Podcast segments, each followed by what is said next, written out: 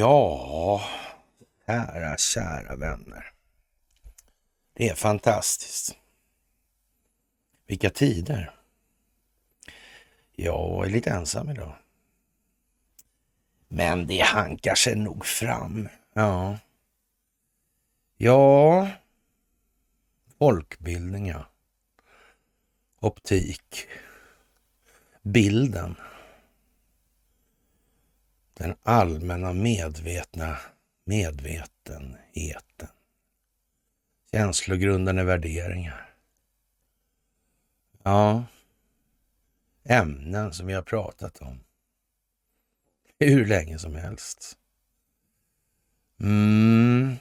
Att läsa igenom medierna. Mm. Läsa igenom.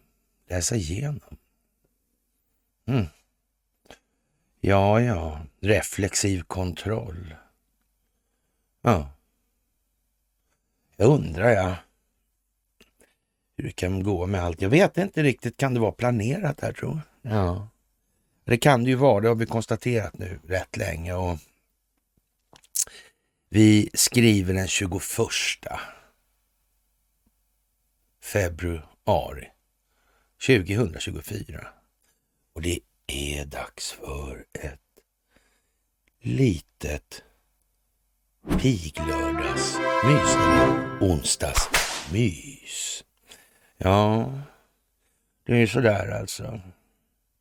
Situationen i landet är speciell. Mycket speciell. Ja, Sverige befinner sig i fortsatt i ett allvarligt säkerhetsläge, säger Säkerhetspolisen. Mm. Säpo. Ja, konstigt. Främmande makt har en hög förmåga till olika typer av angrepp, säger Säpochefen Charlotte von Essen. Ja, fullkomligt opolitisk varelse. Naturligtvis, naturligtvis. Ja.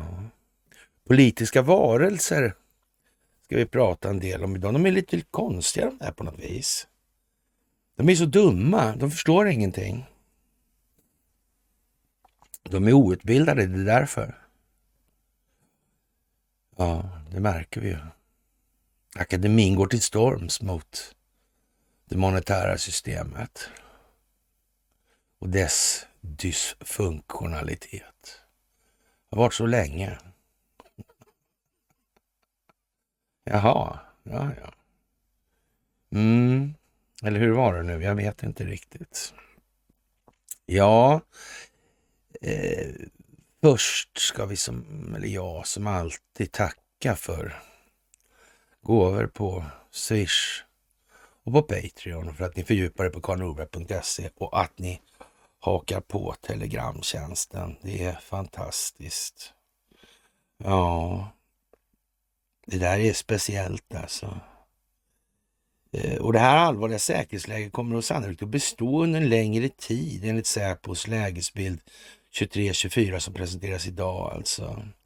Och bland annat utgör rysk underrättelseverksamhet ett stort hot mot Sveriges säkerhet. Främmande makt har en hög förmåga till olika typer av angrepp och vi vet att säkerhetshotande verksamhet mot Sverige och svenska intressen ständigt pågår, säger Säpochefen då. Mm. Även hot från Kina och Iran bedöms vara högt. Har de där tre länderna någonting gemensamt tro? Mm. Ja, Mannerheim har ju i alla fall att göra med ryska revolutionen, det vet vi ju. Ja, och de där som reste dit och hade så åkt genom Sverige och så, de hade väl också någonting med saken att göra, det vet vi ju. Ja. Och förmånliga opiumavtal, det skrevs det ju också där ja i början där, han och Gustav Oskar. Ja. Mm. Och det var väl så då. Mm. Gendarmeriet i Iran, ja. Hur var det med det egentligen? Mm. Finns Ericsson i de där länderna, tror Jag vet inte. Men det kanske någon vet numera. Och, och man får ju nästan vara lite sådär uh, Ja, ignorant skulle man väl nästan kunna säga. Mm. Faktiskt, om man inte börjar se det här snart. Det kommer att behövas alltså. Det kommer att behövas. Ja, många fler måste se, många fler måste förstå. Mm, och det är därför det blir så utdraget också. Vi har inte gjort tillräckligt för att förmedla det här. Vi har inte bibringat tillräcklig förståelse i vår omvärld, även om vi själva kanske utgör förändringen så mycket som vi kan. Men vi kan bättre och vi måste bli bättre. Och tiden hastar. Tiden hastar. Och vi har ju visserligen hjälp av då opinionsbildningsmedierna, eller MSM då, och, och de gör vad de ja, så att säga, blir tillsagda. Men eh, jag vet inte. Mm, det är spännande tider nu. Verkligen. Det är det. Ja, faktiskt alltså. I Sundsvall är det speciellt. Ja. Verkar vara korruption både här och var. Inte minst i polishuset och i anslutning och det verkar vara nästan verkar vara flera myndigheter inblandade. Kan man... Ja, jag vet inte. Institutionaliserad korruption verkar vara inte bara hos tingsrätten alltså. Nej. Nej. Mm. Hur kommer man till rätta med det där tror Ja, faktiskt. Och hur går det för Renewcell där? Med, med storägaren H&M. Går det bra eller vad är... Jag vet inte. Nu sköt man upp bokslutet här också. Ja, snön faller. Mm. Och den djupa staten med den. Faktiskt. Snöröjningen tar vid. Så är det också. Mm. Ja, sannerligen speciella tider. Och en fråga som kommer upp i medierna idag, det är ju det här med de här ministrarna och deras akademiska grunder. Det där är ju konstigt. Det måste man ju säga. Akademiska grunder. Men som sagt, det är inte så många från akademierna som klagar på det här med monetärmekaniken och den här ovillkorliga utvecklingen med att allt färre blir allt rikare på allt fler människors bekostnad. Det verkar som att nej, på något vis inte. Nej, är det så att de förstår så håller de ju käften, det är helt säkert i alla fall. Ja, för de säger ingenting. Nej, det går väl inte så bra med karriären där. Vi hade en gång en finansminister i Sverige, Gunnar Emanuel Sträng hette han.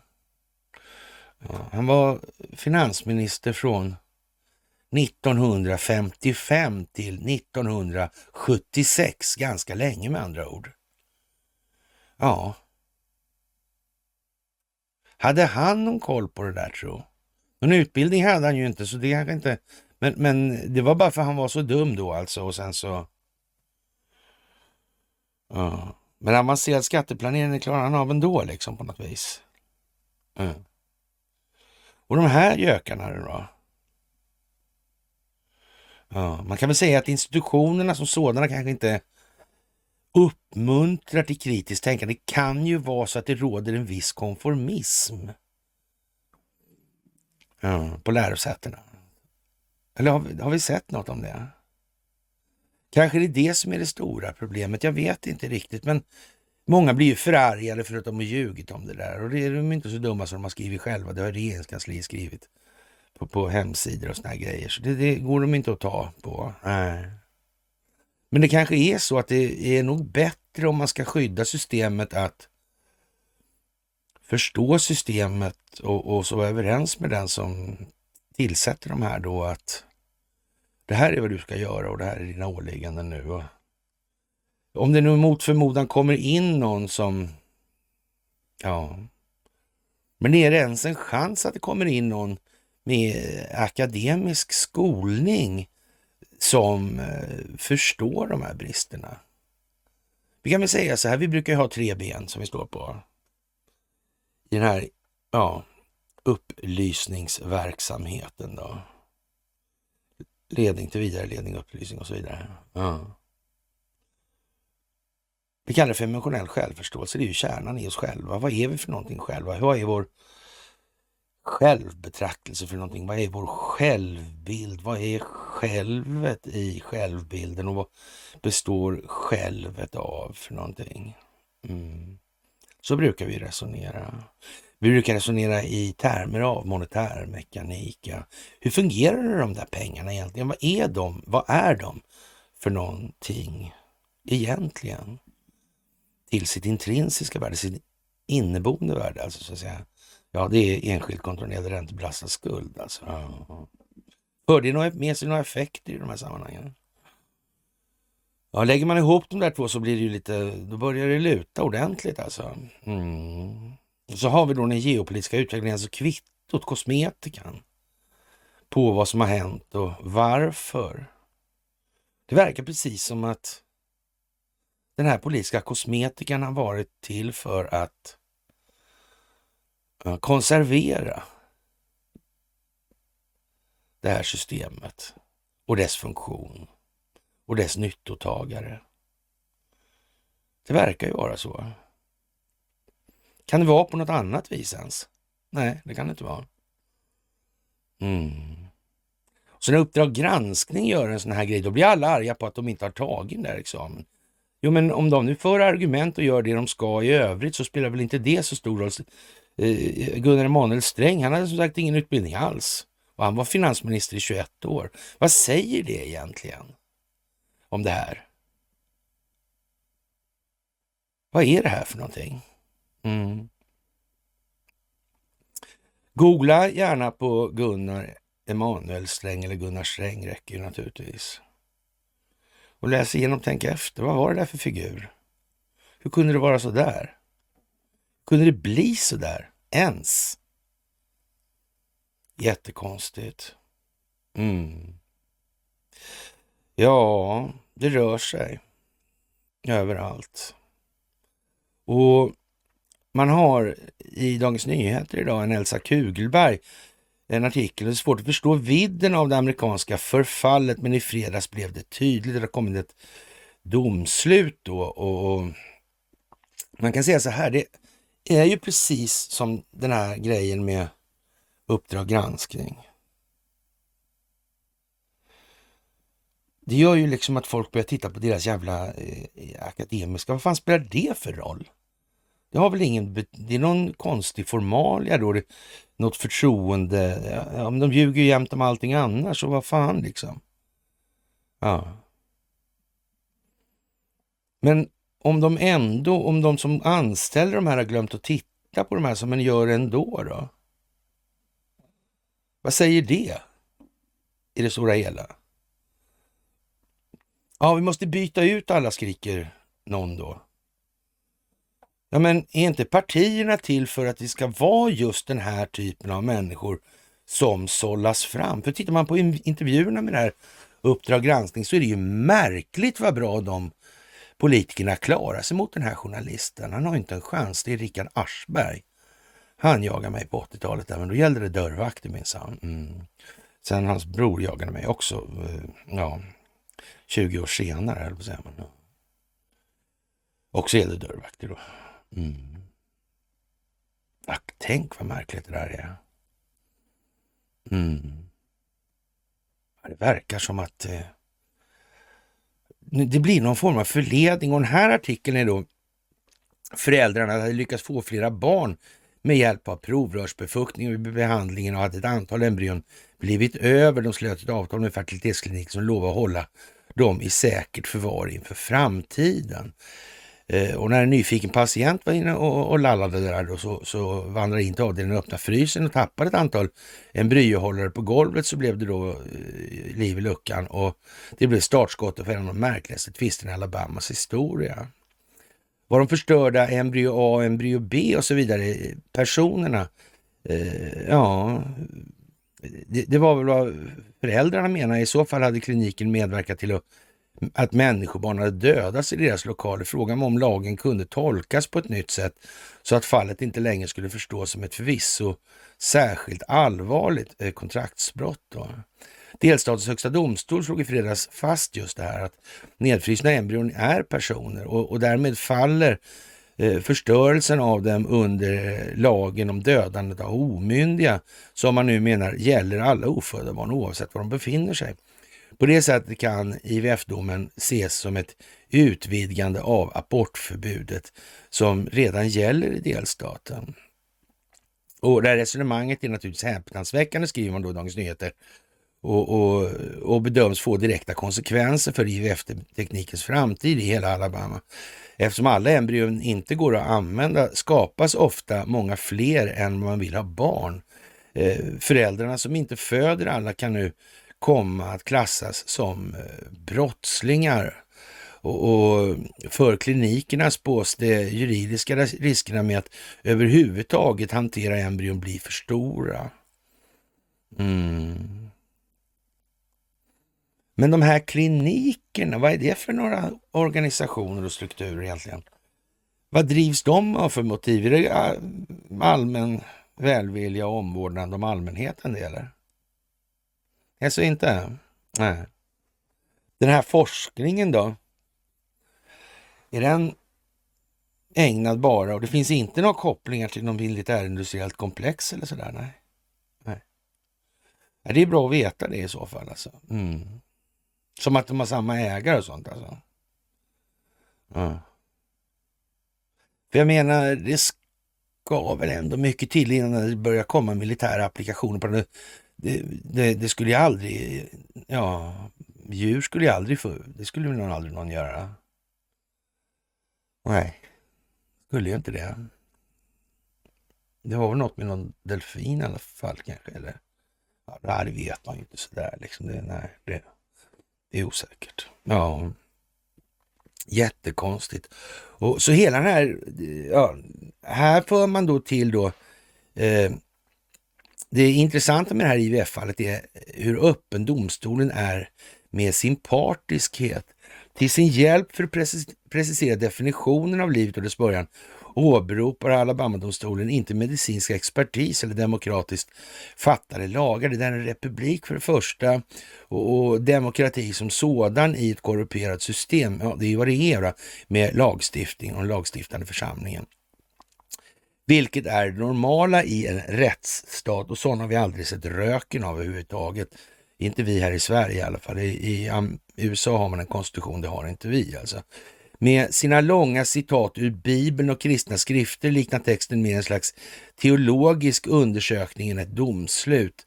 Thomas av Aquino får här trängas med den stränga Manhattan-deklarationen från 2009 såväl som John Calvin och 1600-talsteologen Petrus van Maastricht.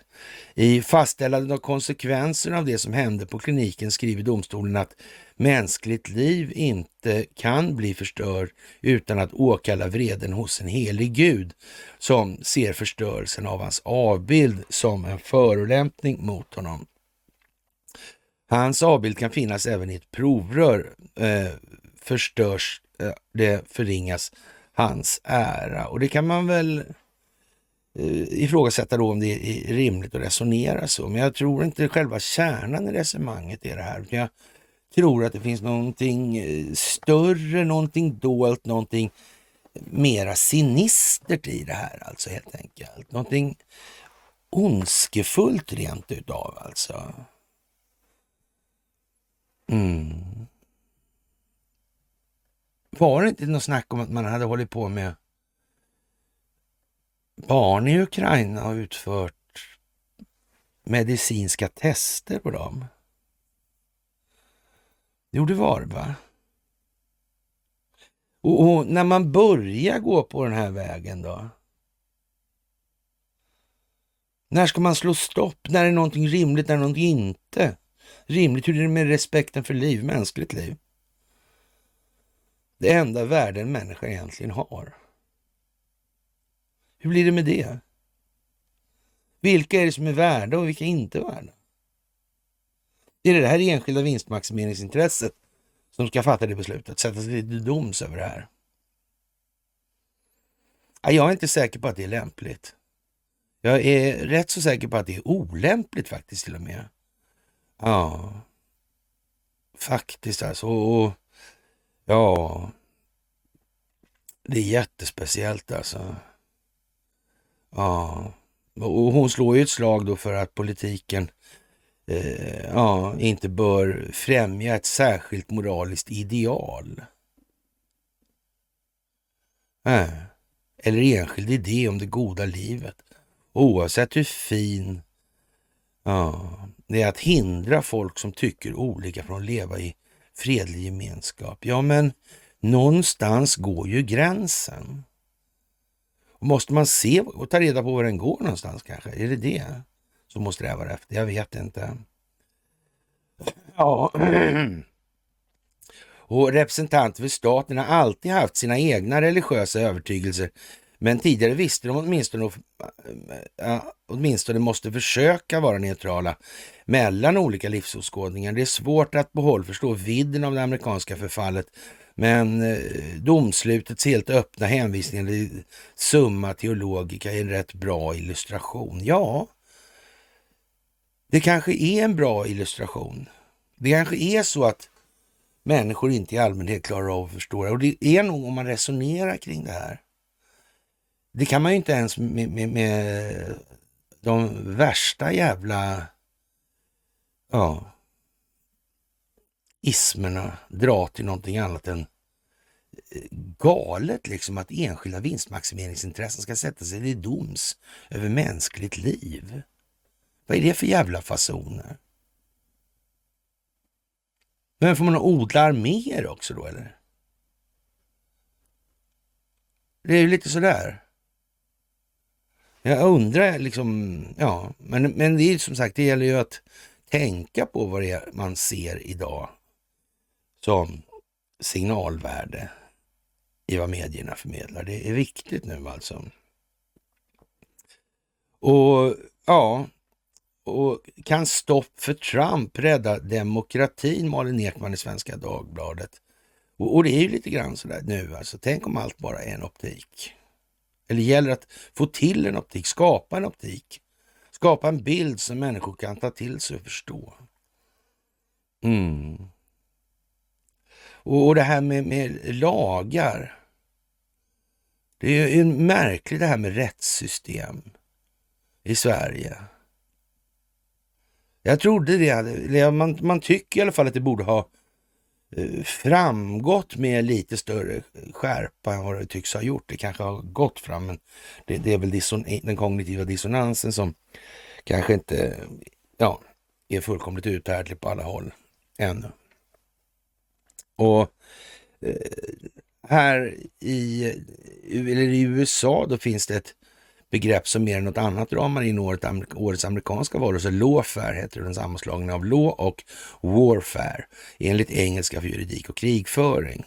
Och eh, som antyds beskriver ordet hur juridiken används i politiska syften. Mm. Men det där med politik alltså. Återigen, vad är det för någonting om den där är genomkorrumperad? Hur blir det då? Ja, hur blir det då? Finns den djupa staten? Existerar den? Om den finns så är det en katastrof med de här resonemangen. Hela tiden alltså. Ja. Det är det. Och Republikanerna använder det här uttrycket när de pekar på de 91 åtalen då som Trump står inför. Och och, och, ja, det man anser då är demokraternas maskopi med rättsväsendet. Och, eh, jag vet inte, är de utsedda de här domarna av någon eller är de valda? Är de mutade? Har de haft kampanjer? Är det, vad är det här för något alltså? Har vi politiskt tillsatta människor i, i rättegång? Är det lämpligt? Eller ska det vara okej okay att eh, rättsapparaten eller rättsväsendet säljer sig helt enkelt till högstbjudande. Är det okej? Okay? Det, det, där måste man ju nu börja ta ställning till inom befolkningen i gemen. Man måste förstå att varför är det inte lämpligt? Va, va, va, liksom, mm. Det är nog bra om man liksom tänker lite på det i det här läget. Och, och, som i fredagens dom om Trumps miljardböter och näringsförbud i New York då, eller Colorados högsta domstols diskvalificerande av Trump från valsedlar. Det, det är liksom sådär. Och alla de här grejerna, det verkar vara precis som att det är ju också riggat för att det här ska kunna exekveras mot andra svaranden sen då. Tidigare presidenter och så här. Det verkar ju precis som det. Ja. Men de har som sagt en konstitution där och det har man inte någon annanstans på den här planeten. Nej, det är ju det. Det är ett avtal mellan befolkningen och de folkvalda. De här ramarna måste ni hålla er inom. Mm. Och, och säga då att de här domarna nu som har hållit på som de har gjort eh, håller sig inom ramen för konstitutionen, det blir ju liksom direkt skrattretande. Men det måste till optik alltså. I det här en tydlig rackare också. Eller bli ännu dummare som man säger. Så dumt och uppenbart så att man inte tror det är sant alltså. Ja. Riktigt speciellt alltså. Och vad, vad blir det av allt det här tror du? Det blir exponering av den djupa staten.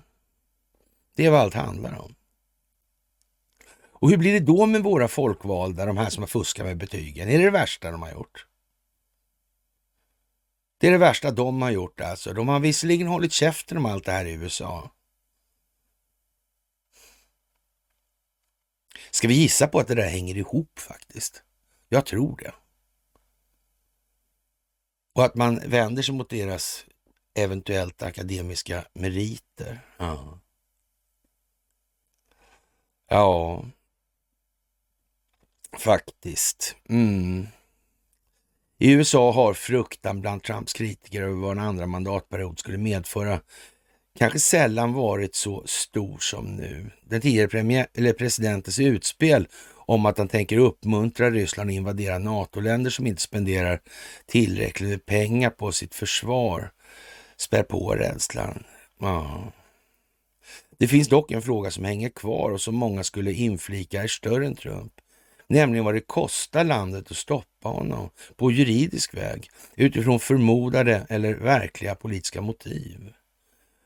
Om det räddar demokratin eller urgröper väljarnas tro på det här systemet. Mm. Ja, vad kan det vara? Ja, det vet man ju inte. Det har man ingen aning om faktiskt. Det är svårt där nu. Eller inte så kanske. Och Donald Trump har jämfört sitt läge med bland annat fyra åtal mot sig då med den ryske oppositionsledaren Alexej Navalny som avled, avled i kalsongerna fulla av polonium. Nej, men eh, i rysk fångenskap tidigare. Men det var ju det där med att han åkte tillbaka självmant. Är det konstigt? Vilken sida var Navalny på egentligen tror ni? Tänk Carl Bildt, han var så dumt så han ställde upp på, på film sådär. Fast det är så jävla dumt så det är svårt att tro att inte det var meningen heller. Alltså, nej. Så jävla dumt är det nu. Mm. Så. Ja. Det finns tre stycken som kanske skulle städa upp sin egen skit i Ukraina. Ja. ja någon har ju varit vid FN i alla fall och någon har ju varit ordförande för Swedbank. Mm. Och så Carl Bildt då. Mm.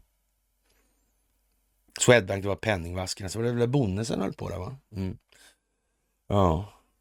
Det där är ju speciellt. Mm. Det känns lite som att det är någon som har varit där med trollspöt och regisserat lite. Mm. Ja. Och, och ja. Donald Trump säger i alla fall ingenting om Vladimir Putin som av många pekas ut som ansvarig för Navalnys död. Och det är i linje med Trumps ovilja att kritisera den ryske presidenten som han tvärtom berömt många gånger om. Ja, det är ju det. Det är ju konstigt det där. Alltså, även om man inte så att säga eh, är någon större anhängare av idén, alltså, så måste man nog nästan snart alltså få en känsla åtminstone av att ja, det verkar nästan som att det är någon form av, de har något gemensamt intresse alltså. Och det är enligt medierna då deras eh, upplåsta ego, alltså den självtillfredsställelsen av den absoluta makten ungefär. Det är så. Säger då de här killarna och tjejerna som Ja. I alla fall inte stod i första kön på skoldansen om vi säger som så. Nej, det är ju det där alltså. Hela tiden är det så. Mm. Och ja, som sagt, eh, Sverige ska ju bli en förebild för ett Ukraina alltså. Som är avmilitariserat alltså. Mm. Avnazifierat och neutralt. Ja. Och, och, man undrar ju lite grann hur mycket det ska behövas. En sak är i alla fall helt säker, att när man ger bort eh, en tredjedel av stridsbåtarna, stridsbåt 90 där till Ukraina, så Ja, de ska användas som säkra handelsrutter och kontrollera kustnära områden, menar experter, men också till landstigningsräder mot ryssarna på floden Dnepr. Ja, jag vet inte. Ja. ja, det där är ju speciellt. Ja, får man ju säga. På tisdagen presenterar regeringen ett nytt stödpaket i Ukraina. Det är det femtonde i ordningen och var väldigt vad det klia på min näsa. Alltså. Och hittills största på totalt 7,1 miljarder då.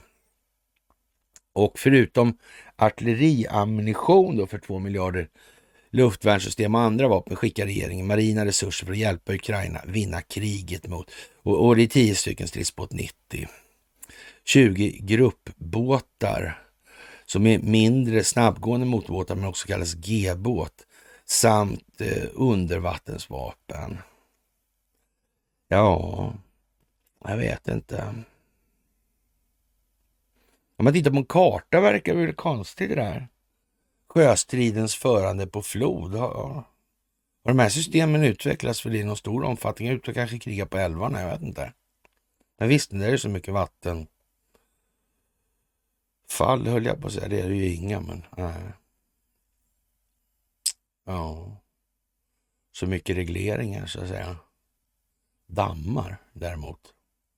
Ja. Det där är ju speciellt alltså. Ja. Och eh, Ukraina har sänkt eh, ryska kryssare, stora transportfartyg och robotkorvetter i Svarta havet. När ryska fartyg trycks längre ut till havs ökar behovet för Ukraina att kunna hålla kontrollen över kustnära områden. Där kommer stridsbåt 90 väl till hans, menar Hans Livång, docent i militärteknik vid Försvarshögskolan och forskare inom i marina system på KTH. De här kan ju ta sig fram på ett begränsat djup och i tåliga områden med grunt vatten. De kan landsätta personal snabbt och de kan även transportera mindre robotsystem och är lätta att navigera och kommer snabbt att kunna användas av personal i Ukraina. Vilket är en viktig komponent, säger Hans Livång. Men frågan är till vad alltså, lite grann skulle jag vilja säga. Men, men det är klart att bedömer man att det finns ett behov av det där så... För det här med att det skulle mm, avrustas så att säga. Mm. Jag undrar om det är någonting med Ungern och NATO och Japan, eller säga, men JAS i alla fall, inte Japan, JAS. Så märkligt. Ja. Mm. Genom de svenska båtarna ökar Ukrainas möjlighet även till kustförsvar och landstigningsräder mot annekterade Krim, menar han. Ja, det är klart att...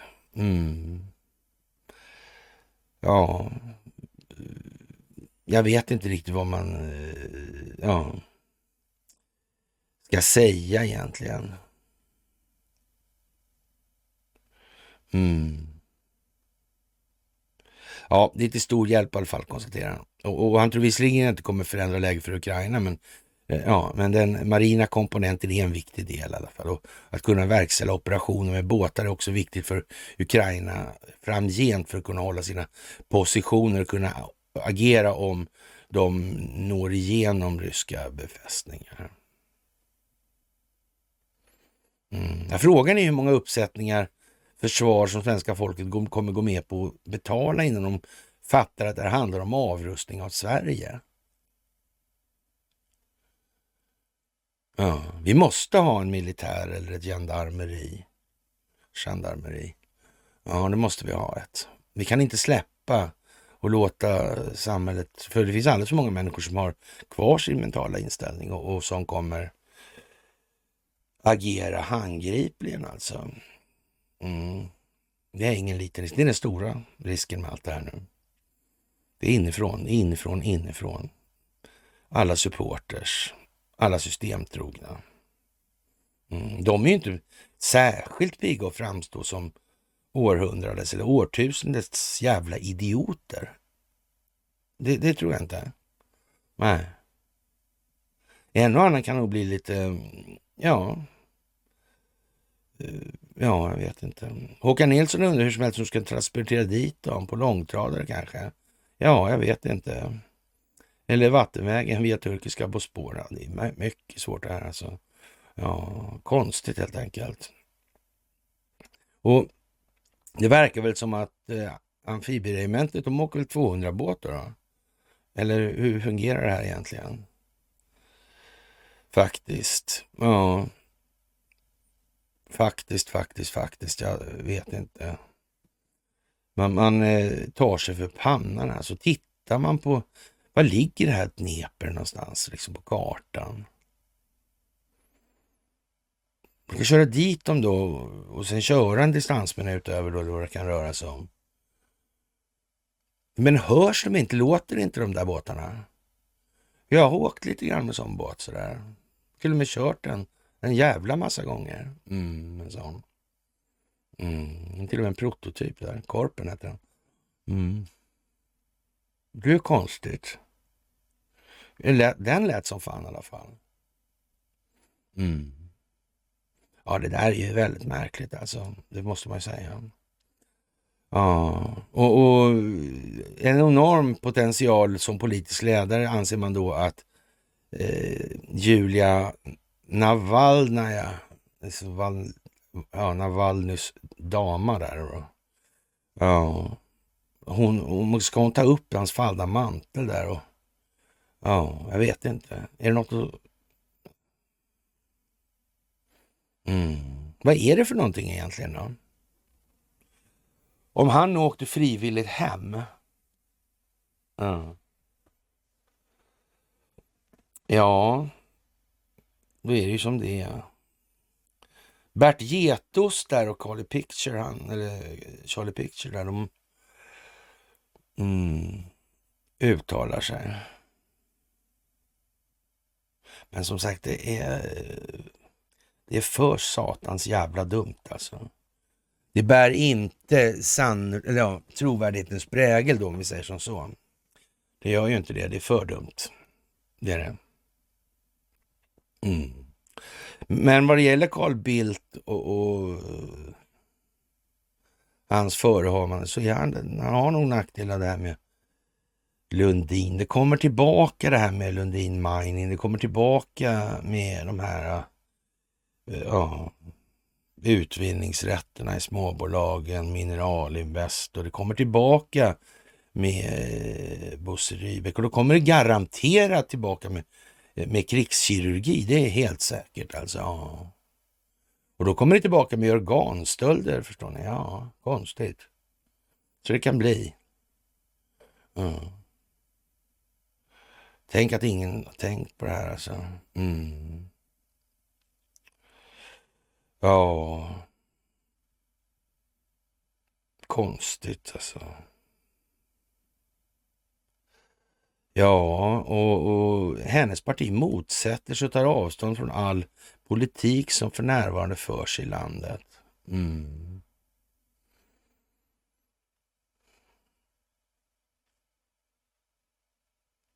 Alltså om jag var Vladimir Putin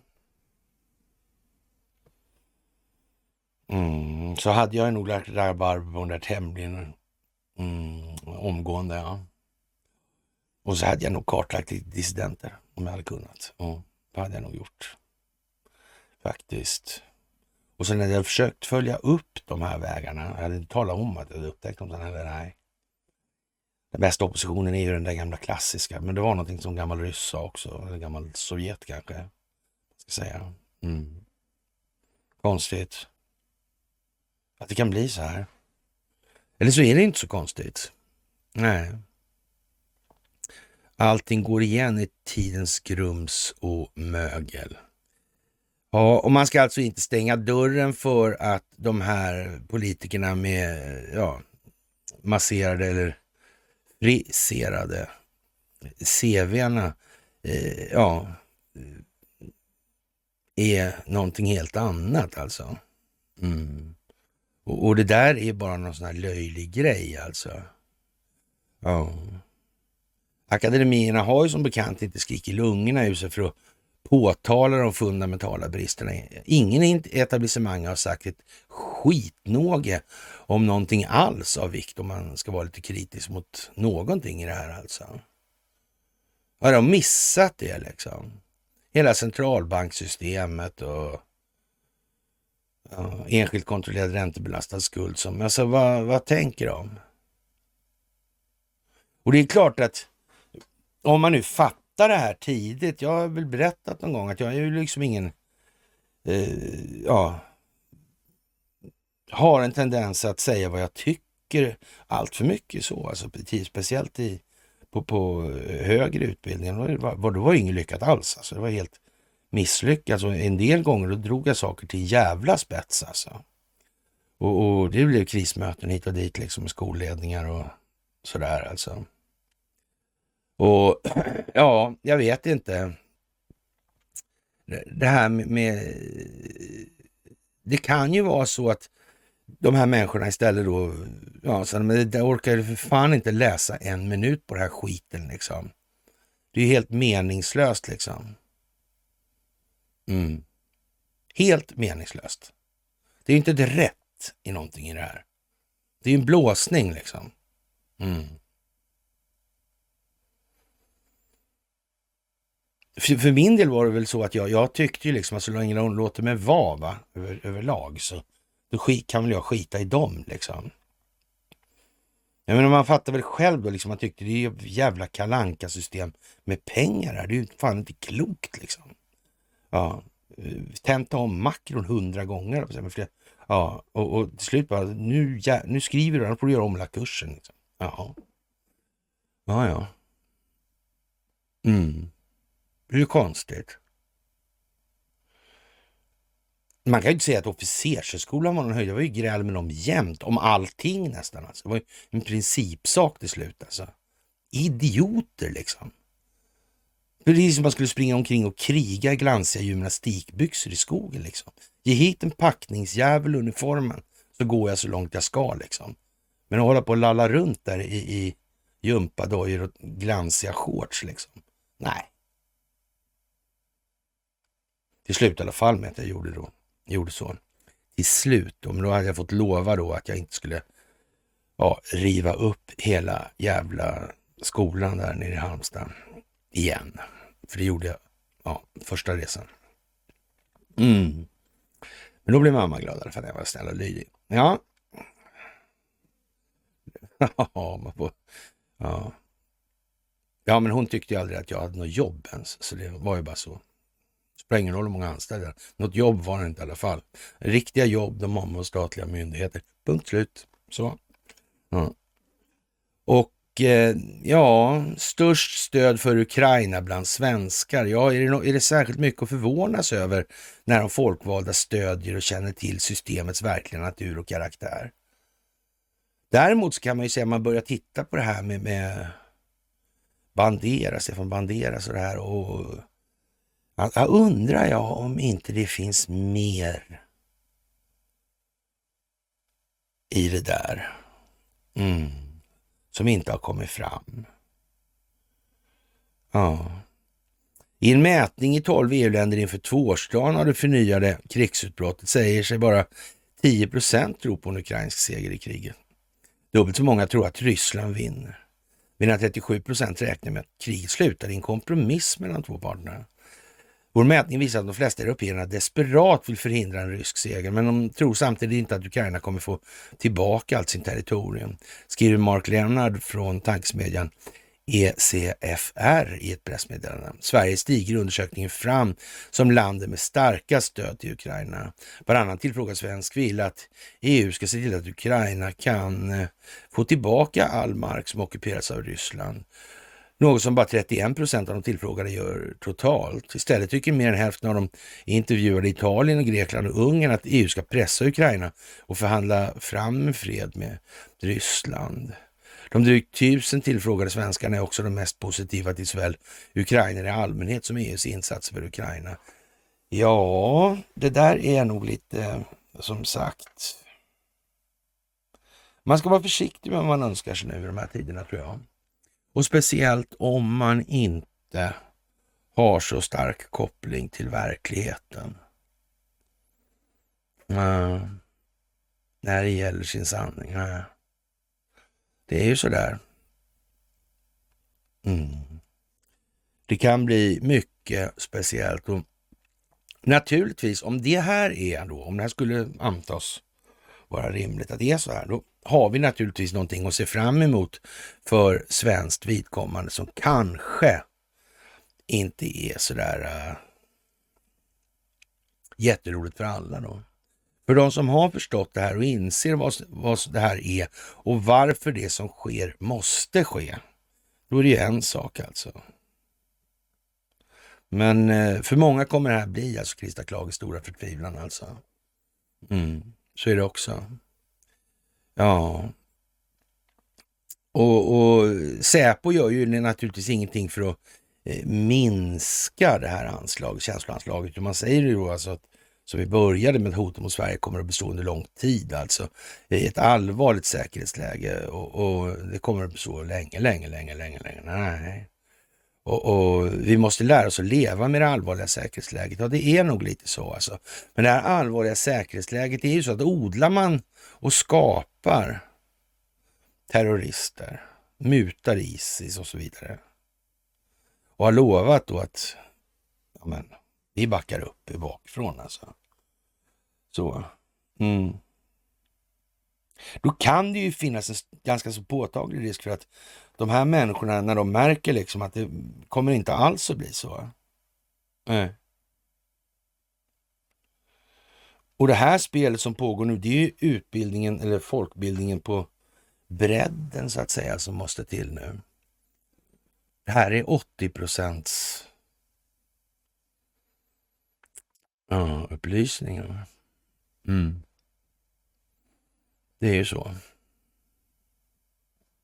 Och sen är det ju tyvärr så att när det gäller då de här institutionaliserade korruptionsinslagen, så de människorna som inte har sagt något, alltså de har stilla samtyckt då.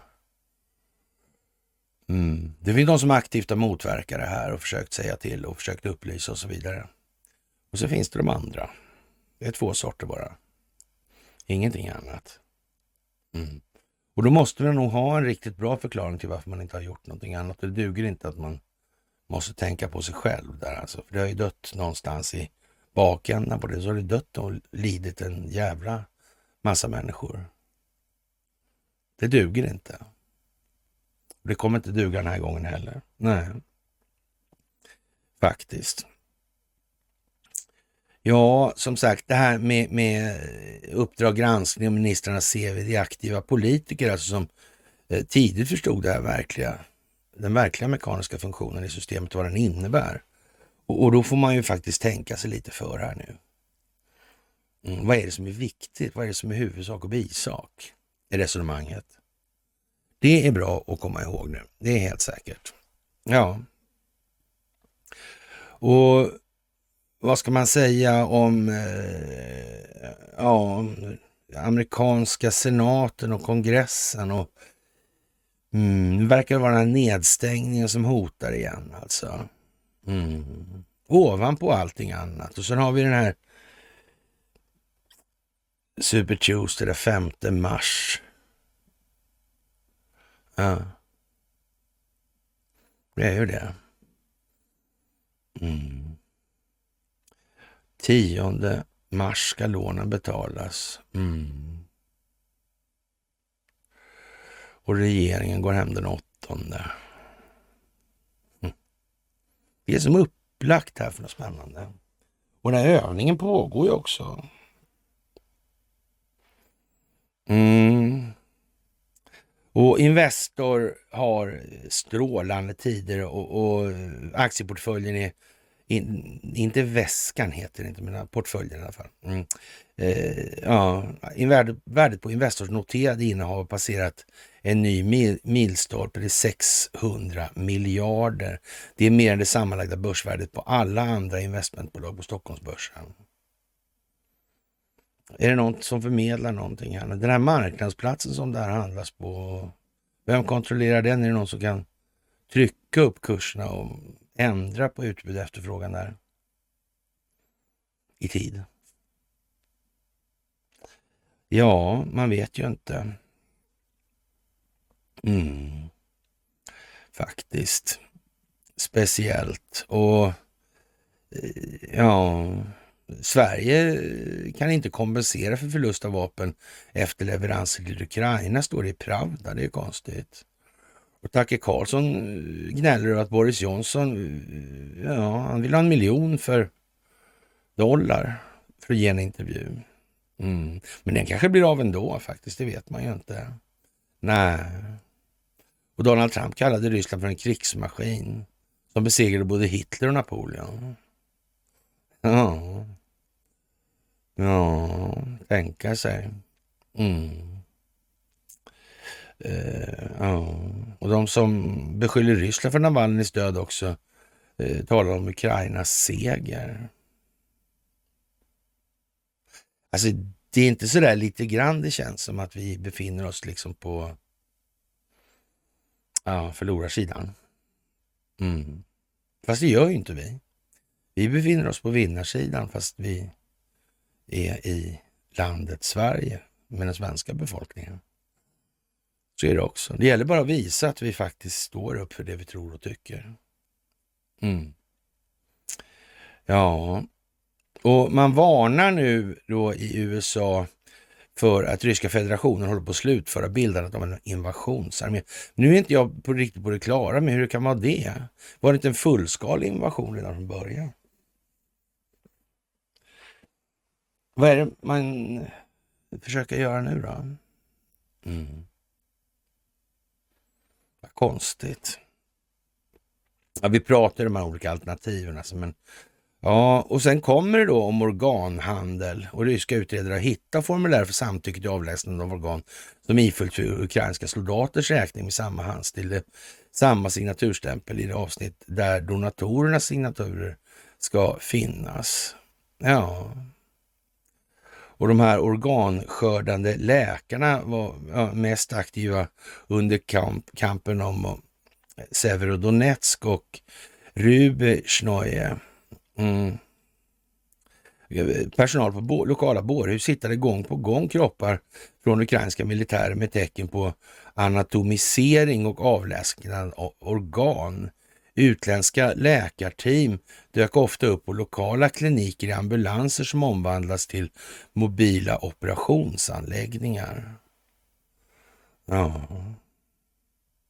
Alltså, sånt där var ju Bosse Rydbeck bra på. Det måste man ju ge honom, även om det är som det är. Mm. Men det känner nog Carl Bildt till, tror jag. Mm. Ja, jag tror det var något sånt där i Makedonien faktiskt. Något sånt där. Mm. Men den utredningen lades ju ner på en gång, men undrar vad det berodde på. Kan det bero på att det där inte skulle tas fram då? Ja, det kan det nog ha gjort. Det tror jag. Mm. Det tror jag. Det skulle inte framföras nu. Nej. Och det där har pågått hur länge som helst. Ja. Och som sagt, Sverige är så positiva till det här med Ukraina. Ja. Kanske måste det. Det är massa andra saker som kommer fram annars. Mm, massa annat samröre kanske. Ja, det vet man ju inte riktigt. Nej. Faktiskt. Mm. Håller krampaktigt tag i sargen, jag tycker Lars Sundström. Det kan man väl kanske säga om det här. Det är panik nästan alltså. I det här läget. Det är ju märkligt. Eller inte. Nej. Och som sagt, det med partierna. Sossarna gör så, eller ska hyra ut lokaler och och de har ju liksom inte, och det här som kommer fram jag undrar om det... Mm. Ja, de har nog byggt tajtare lite grann sådär, det har de nog gjort alltså. De har nog mer inflytande på institutionerna genom sitt långa maktinnehav alltså. Mm. Men i sak så är det ju samma sak. Det är ju ingen skillnad på Gunnar Sträng och på de här tre idag. Skillnaden är att han inte har gått och sagt att han har haft en massa utbildningar. Och... Men nu när alla vet att det är utbildningarna i systemet borde ju snarare, då borde man ju ha slagit larm om att det här går ju inte, det här är ju katastrof. Jag menar, det är ju ingen klok människa idag som, som inte har fattat det här med Sida och utrikesdepartementet. Nej. Och vad fan Sverigedemokraterna har gjort för någonting? De har missat helt och hållet det här med ja, det som kallas för återvandring nu. Men hej och hå liksom. Ja. Det är inte liksom... Ja. Sossarna är en massa skal och, och Sverigedemokraterna är en massa människor som har fattat att något är, fel, något är fel, men inte riktigt vad som är fel och sen springer de åt det håll man pekar bara, eller rättare sagt som man har pekat. Mm. Men eh, det, det, är ju liksom inte så många längre som tror på att eh, några geopolitiska konsekvenser, whatever, alltså eh, det här med att stoppa migrationsrörelserna men då får man inga utvinningsrätter och, och, och, så, och så vidare och så vidare. Och så vidare. Till exempel. Mm. Ingen kontroll över strategiska naturresursflöden. Nej. Nej, men det, det, är lite det här alltså att man måste tänka till här nu helt enkelt. Och, och, det går väldigt bra nu också. Så det, faktiskt, det är helt otroligt att se vilket fart, eller vilken fart den här strömmen har tagit. Och ja, vi... Eh, ja, det här med Boris Johnson. Han vet hur man ska spela för att vinna. Mm. Och, och, Boris Johnson ska man nog tänka på i det läget att han ska nog i någon mån sättas i relation till utvecklingen gällande det brittiska kungahuset. Ja. Saxen, Coburg, Gotha, sedermera Windsor. Mm. Och om den här lille Harry då kanske, inte Dynamit-Harry och Birgitta Andersson, utan eh, lille Harry ändå. Alltså, mm. Ja, om han skulle bli ställföreträdande kung eller motsvarande sväng sådär och sen kommer det fram att, ja, vad hette han den där? Han hette Hewitt han också. Mm, det var ju så. Kan Boris Johnson känna till det här?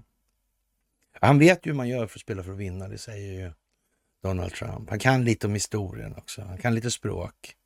Han är rätt bildad. Men han gör sitt bästa för att spela pajas. Och, och det går han hem med. Och folk tror fortfarande på den där teatern. Att han är lite lätt dum i huvudet. Ja. Jag kan säga att han är ju definitivt inte dummare i huvudet än de här, än de här som har fattat systemet och, och, och sagt åt regeringen, ja, som regeringskansliet har friserat cv på. Nej. Han förstår garanterat hur det här systemet fungerar. Helt garanterat. Ja. Och fortfarande är det inte många svenskar som verkar förstå det här. Och på tal om eh, Royal Navy då och visas visar sig nu att en brittisk eh, atomubåt skjuter en trident missil och den eh, trillar ner då efter första steget och andra steget händer inte. Så den trillar ner nästan på ubåten. Mm. Det där skulle kunna vara någonting som är ett uttryck för telekrigmiljön. Mm. Det fina med den här telekrigmiljön är att man inte talar om vilken kapacitet och vilka förmågor man har. Det är annars vanlig åkomma för militär verksamhet nu, att man alltid gör det. Vi går via tidningarna. Ja, är inte det konstigt? Vad sa Donald Trump om ja. återinförande av överraskningsmomentet som militär doktrin, tror jag han sa förresten. Nu, just så var det ja. Ja, det där är ju konstigt alltså. Ja. Och, och mm. Som sagt, det där är mycket speciellt vad man kan åstadkomma i de där sammanhangen nu. Ja. Och ja, statsvetaren Ukraina kommer inte kunna återta de ockuperade territorierna. Nej. Det var ju konstigt alltså. Jättekonstigt. Det börjar bli liksom dubbla budskap. Om han säger det då så, så SVT då. Igår 21.40. Det är någon form av vindkantring. Det är ju så. Mm.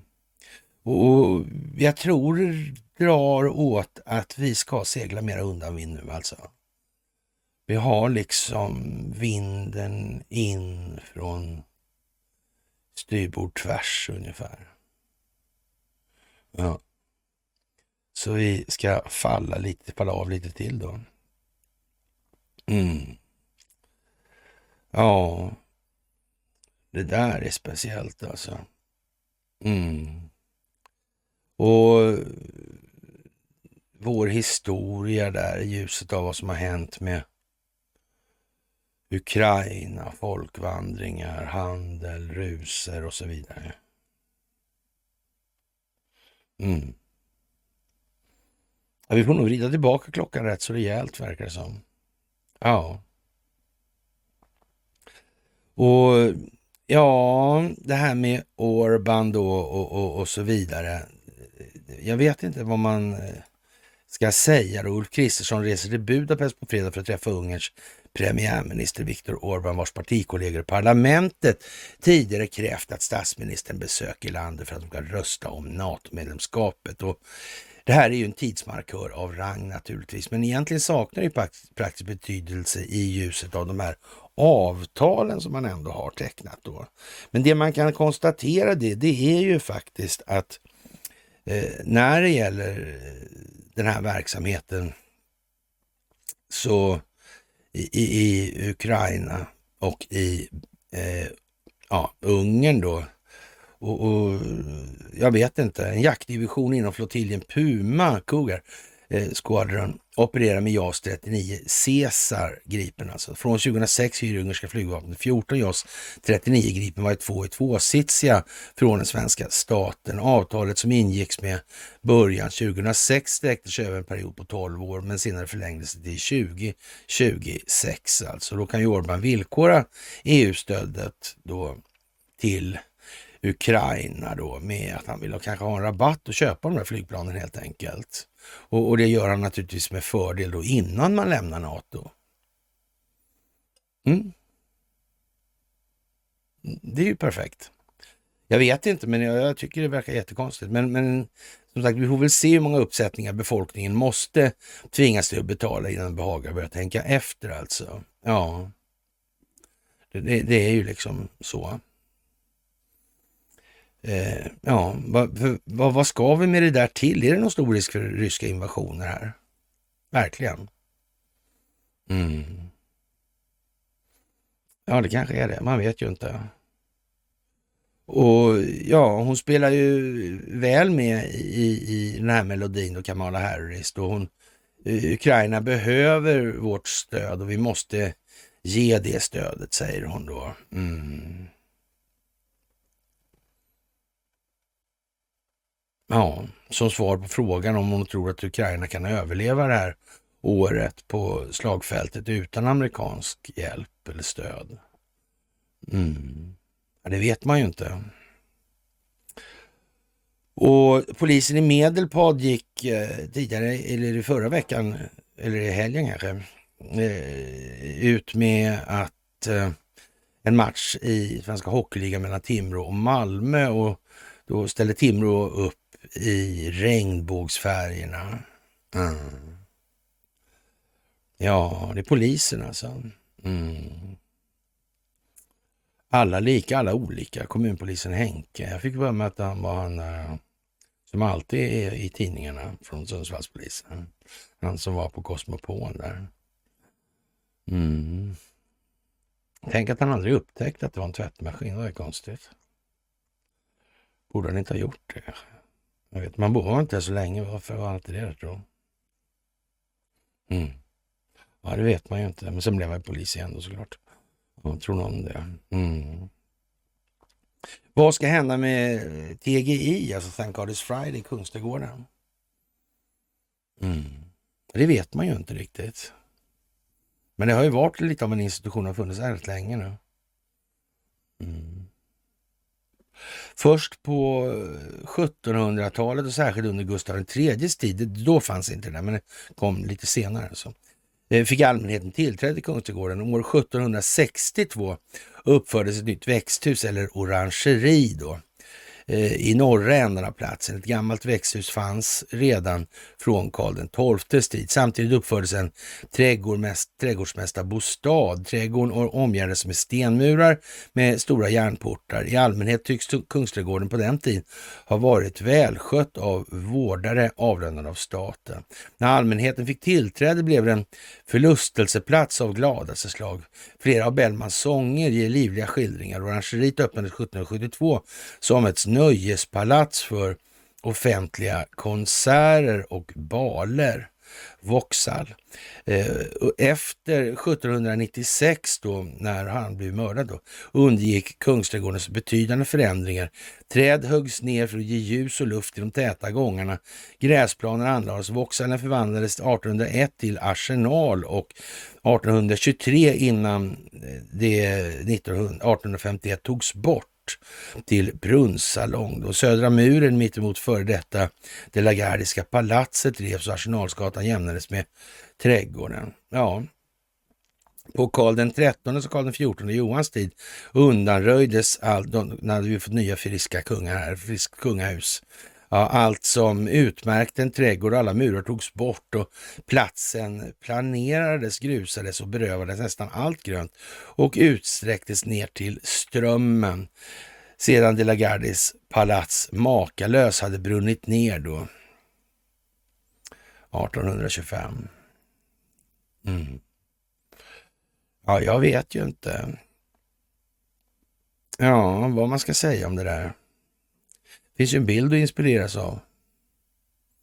Faktiskt. Mm. Guldbron. Det är bara Skeppsbrokajen. Bort ser man ju Kungsträdgården.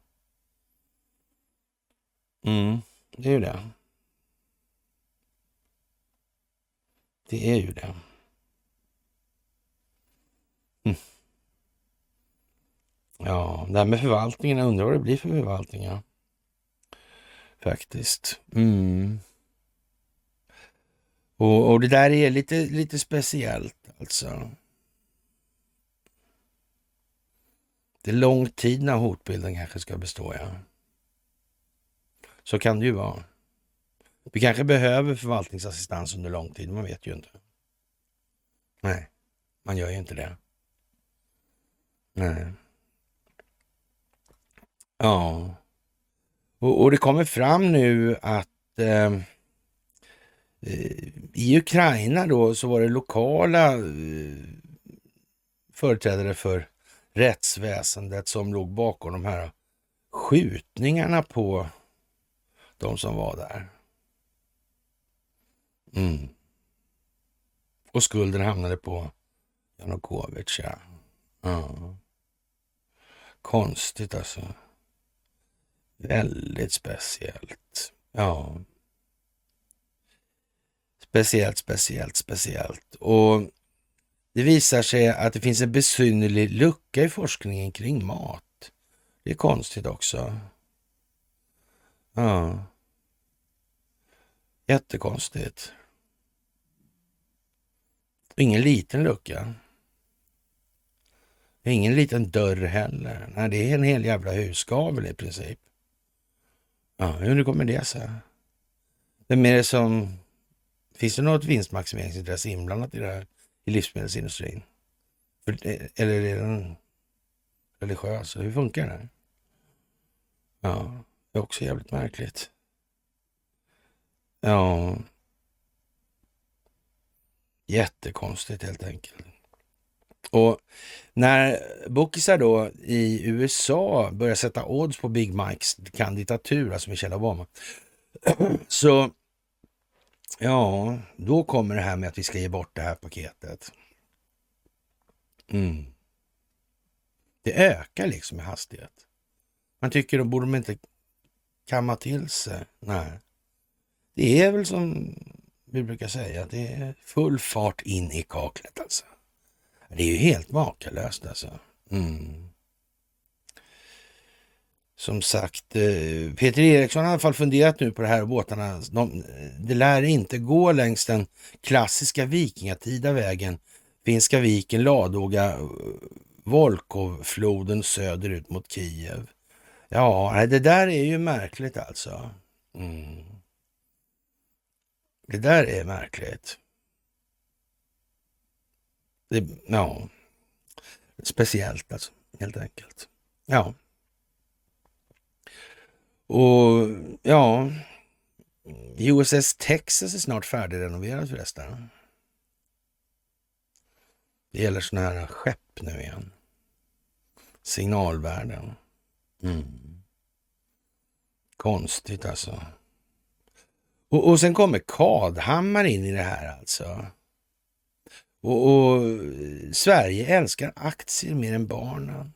Ja, han skrev ju om mig eh, indirekt då redan 2003, alltså att jag inte, alltså min personal då, inte var sådär våldsamt pigg på att liera sig med, ja, ska vi säga, kriminella element på det viset. Nej. Det var ju så. Mm. Nu kommer den här alltså. I helgen kom den sensationella nyheten att investmentbolaget Mellby Gård häver försäljningen av skolkoncernen Academia, Acamedia, eh, Academedia med 83 000 elever i 330 skolor i Sverige. Affären var undertecknad och klar, men i fredags bad Mellby Gårds VD Johan Andersson ångerfyllt att köpet skulle gå tillbaka. Ägarfamiljen Andersson hade sålt alla sina aktier i skolkoncernen till finansmannen Roger Akelius för 1,7 miljarder kronor. Han blev därmed största ägare med 25 procent av aktierna i, och i praktiken den som skulle bestämma över bolaget. Akelius sa i medierna att han ville satsa stort på skolan och slopa utdelningar till aktieägarna. Vinsten skulle investeras i skola och undervisning, inte betalas ut till privata ägare. Eh, han är för övrigt emot eh, aktieutdelningar i en verksamhet som finansieras av skattepengar. Dels blir det bara småpengar, säger han när jag talar med honom på telefon. Det räcker inte med att spara på administrationen några kronor per skol, skolmåltid för det ska bli någon vinst att tala om. Man, man, måste klämma ur, squeeza skolan ännu mer för det ska bli intress intressanta pengar för en kapitalist. Och, och, det vill inte Akelius göra alltså. Han sa dessutom att han tänkte skicka 100 000 lättlästa, lättlästa klassiker till eleverna. Anne Franks dagbok kan ju vara eh, värd att, att ta som exempel på någonting som är skrivet på ett sätt som det inte är redovisat. Och, och däremot då Jack Londons underbara, skri, däremot underbara eh, skriet från vildmarken. Akelius sa att han skulle satsa på, på att Sverige eller så att Sverige hamnar högt i den internationella PISA-undersökningen över kunskaper igen. Marknaden reagerar omedelbart, värdet på aktierna tvärsjönk minus 15 procent i onsdags. Och detta i ett land som hojtar om hur mycket vi älskar barnen. Mm. Ständigt tjatar politiker och företagare om hur mycket vi bryr oss om de små.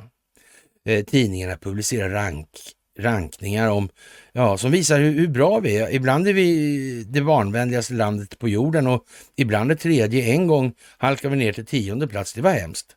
Och hur kan vi vara så långt ner när vi är bäst? Eh, strax kravlar vi upp, oss upp igen. Ja. Mm. Malmö ska bli Sveriges barnvänligaste stad har Malmö sagt. Norrlands kommuner tävlar om vilken som är barnvänligast. Västerbotten ska bli Sveriges barnvänligaste län, har Västerbotten sagt. Eh, de barnvänligaste stadsdelarna i Stockholm är analyserade och presenterade Gröndal och Tegelhagen, Silverdal. Eh, vi idisslar FNs barnkonvention som säger att barnets bästa ska beaktas i alla beslut som berör barn. På Mellby Gårds hemsida kan man läsa alla barn har rätt till utbildning, alla barn har rätt till en tro, till, rätt till att en tro på framtiden. Aha. Vi på Mellby Gård vill hjälpa till och ja, förse utsatta barn med trygga, varma, utvecklande sammanhang. Därför borde ägarfamiljen Andersson ha jublat när den nya ägaren Akelius ville använda vinstpengar till barnens utbildning. Det borde ha varit särskilt glädjande eftersom det står på Academedias hemsida. Fokus för oss är att utveckla människor och målet är alltid att alla ska lyckas. Bolagsvision är enligt samma hemsida Eh, ja, Academedia ska leda utvecklingen av framtidens utbildning för att lyckas med det arbete vi ständigt för, är vi ständigt för att utveckla våra verksamheter och hela tiden bli bättre. Roger Akelius vill inte bara slopa aktieutdelningen, han sa att de miljarder som redan tjänas ska gå till utbildning. Kan en ägare ha en mer hedervärd, innan han skriver hedervärd, men en mer hedervärd inställning om vi nu ska ha privatägda skolor? Frågetecken. Ja. Men Mellby Gårds vd Johan Andersson ringde till Roger Akelius i fredags och sa att han hade fått klagomål från aktieägare och Academedias ledning. Johan kände det som att han lurade sina vänner och, och kände att hans heder försvann när, när han fick klagomål från aktieägarna, säger Akelius på telefon från Spanien. Johan Andersson skickade ett sms till mig i ett flygplan över Atlanten. Han skrev att han fick signaler från olika håll, att, ja, från vissa aktieägare alltså. Roger Akelius har gjort något eh, som det barnälskande friskolesverige aldrig hört talas om. Eh, ja, något i barnälskande Sverige där våra härliga ungar alltid står i centrum. Inte brytt sig eh, så sär, sär, särdeles mycket om. Vad konstigt. Den nya ägaren tänkte satsa på barnen. För vi älskar ju bara en sak mer än barnen. Aktiekursen. Mm. Ja, tänk så det kan bli. Ja, det gick inte att vi skulle ha en intervju sen när, vi, när han var på tapeten. Alltså det hade blivit för mycket. Alltså jag hade väl egentligen inte haft så mycket att säga om jag hade fattat då redan att det där var ju något konstigt alltså. Mm. Men han ser ut att ha begripit en del nu. Så är det ju. Vi är en nation i förnekelse. Eh, ja, det är en fallande nation, skriver Donald Trump på sin plattform Truth Social. Och eh, ja, han skriver att eh, ja, Alexej Navalny gjorde honom mer medveten om vad som försiggick i USA. Han skriver att öppna gränser, riggade val och orättvisa domslut förstör landet. Ja, ja. Mm. Säger han egentligen då att den djupa staten har funnits i Ryssland alltså? Jag vet inte. Det, ja. det kanske har varit så, jag vet inte. Nej. Mm. Han kommenterar inte Putin i alla fall som vanligt. Nej. Ja. USAs förre talman Nancy Pelosi sa på säkerhetskonferensen i München att eh, Putin är en väldigt, väldigt ondskefull man alltså. Mm. Ja, jag vet inte vad man ska säga, men det är, är säkert bra som de säger. Eller inte. Mm. Brasiliens president Luis Inacio Lula da Silva bannlyses i Israel. Han blir persona non grata. Mm. Ja, det där vet man ju inte riktigt. Jättemärkligt kanske. Eller? Och, och, ja, någon gång har han sagt så här, när tredje världskriget har redan börjat och det här eh, kriget, eh, ja, river sönder eh, Brasilien, Latinamerika och, och, praktiskt taget hela tredje världen. Mm. Istället för att det är soldater som dör så, dör så är det barn. Ja, konstigt. Det är ett krig som gäller tredje världens skulder. Mm. Ja. Och, och, vad ska man säga? Och huvudvapnet i det här kriget är räntan. Ja. Och det är ett vapen som är mer dödligt än atombomber. Ja och mer förfärande än laservapen. Mm. Ja, alltså det är ju konstigt allt det här. Det är det ju. Faktiskt, eller så är det ju inte så konstigt. Nej. Och ja, tysk vapenjätte undertecknar avtal om att göra granater i Ukraina. Det är Rheinmetall alltså. Gamla IG Farben-fasoner alltså. Mm. Ja. Och, och Maria Sakarova sa, jag har en stor förfrågan nästa gång du intervjuar företrädare för Kiev-regimen som kommer att prata om hur västerländska intressen kommer att bygga vapenfabriker på Ukrainas territorium. Be dem då att klargöra koordinaterna. Mycket viktigt alltså. Mm. Mm. Man vet ju inte. Och ja, det här vi har pratat om det här med, med hur man har genmanipulerat vetet då, att i början på 30-talet var 16 värt och sen 1945 då ungefär så var det 45 värt. Då. Det är lätt att komma ihåg. Alltså sådär. Och eh, ja, det här var en artikel i Aftonbladet. Den här blev ju väldigt populär då. Sådär och ja vad vi stoppar i oss. Mm. Jag kommer ihåg när man sa det från början att vinstmaximeringsintressen ju kommer inte att göra oss friska, de kommer göra oss sjuka. Mm. Det är så. Förr eller senare alltså. Mm. Och ja, tyst i Storbritannien om operation Menai Bridge, alltså den sjuklige prins Charles som ser ut som sin mor dessutom på den här bilden. Det tycker jag var lite lustigt. Och som sagt, det vet man ju inte om eh, lille Harry då tycker att det här med klarläggande av DNA-kopplingar kan vara något. Mm. Det skulle ju bli lite, lite tokigt då för monarkin i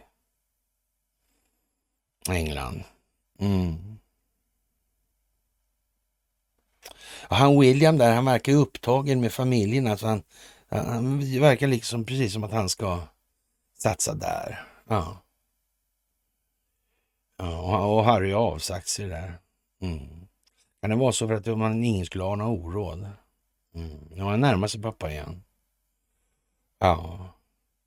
Och Ukraina verkar ha använt kemiska stridsmedel. Mm. Ja, vad ska vi säga? Och Sergej Lavrov har varit på Kuba. Ja. Det trummas upp. Kristersson lovar tuffa tag mot oansvariga föräldrar. Ja, det hemliga skuggspelet för att byta ut Biden har nu börjat. Ja. Utåt sett har Joe Bidens partis fulla stöd inför höstens presidentval, men bakom kulisserna nej, nej, nej, förberett sig för att kunna byta ut den 81-årige presidenten. Ja. Men han kanske inte läser Aftonbladet. USA varnar Kina för att dumpa industriöverskott. Det skulle ju eh, liksom minska priset. Det skulle bli deflation då av det. Eller hur menar de? För det måste väl vara prisminskningar, det är väl deflation då eller? Eller? Ja, jag vet inte. Ja, som sagt, det är... Mm, åklagaren som är släkt med gängledare borde inte få arbeta operativt, säger Ojsan Skojsan. Ja, nej, det kan man ju tycka faktiskt. Det börjar ju bli lite sådär nu med allt det här. Ja.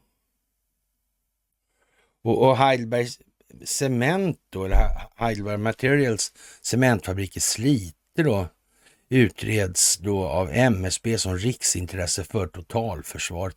Men är inte det där en enskild eh, eh, företeelse alltså? Ett enskilt vinstmaximeringsintresse. Ska Sverige försvara det där? Ja, men de kan ju sälja sin jävla betong vad de vill ändå. Eller är, är det helt plötsligt så att staten ska bestämma över den där då? Mm. Att då, då, då försvinner deras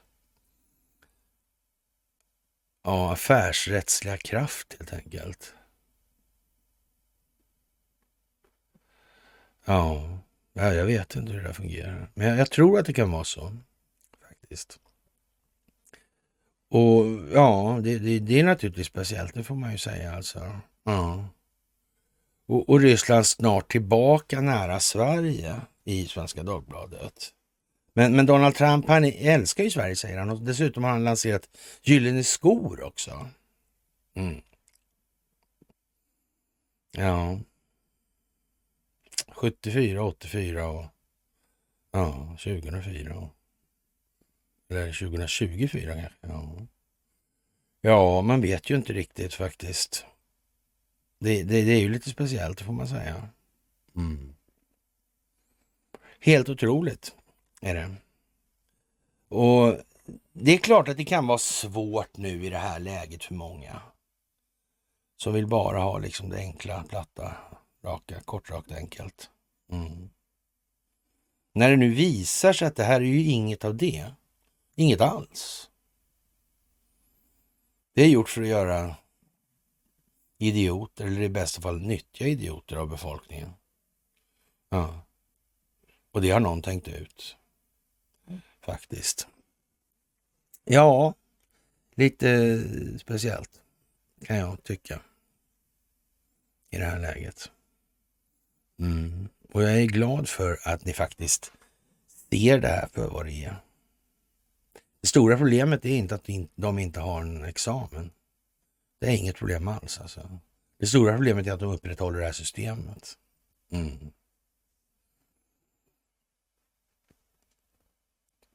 Det är det stora problemet. Mm. Man kan till och med säga så här att det är lite grann som... Ja, man säger så här att det, det är sällan den man tror bestämmer som bestämmer i sådana här obskyra sammanhang. Det sitter någon liten eh, ja, anspråkslös figur några rader bak i församlingen. Mm.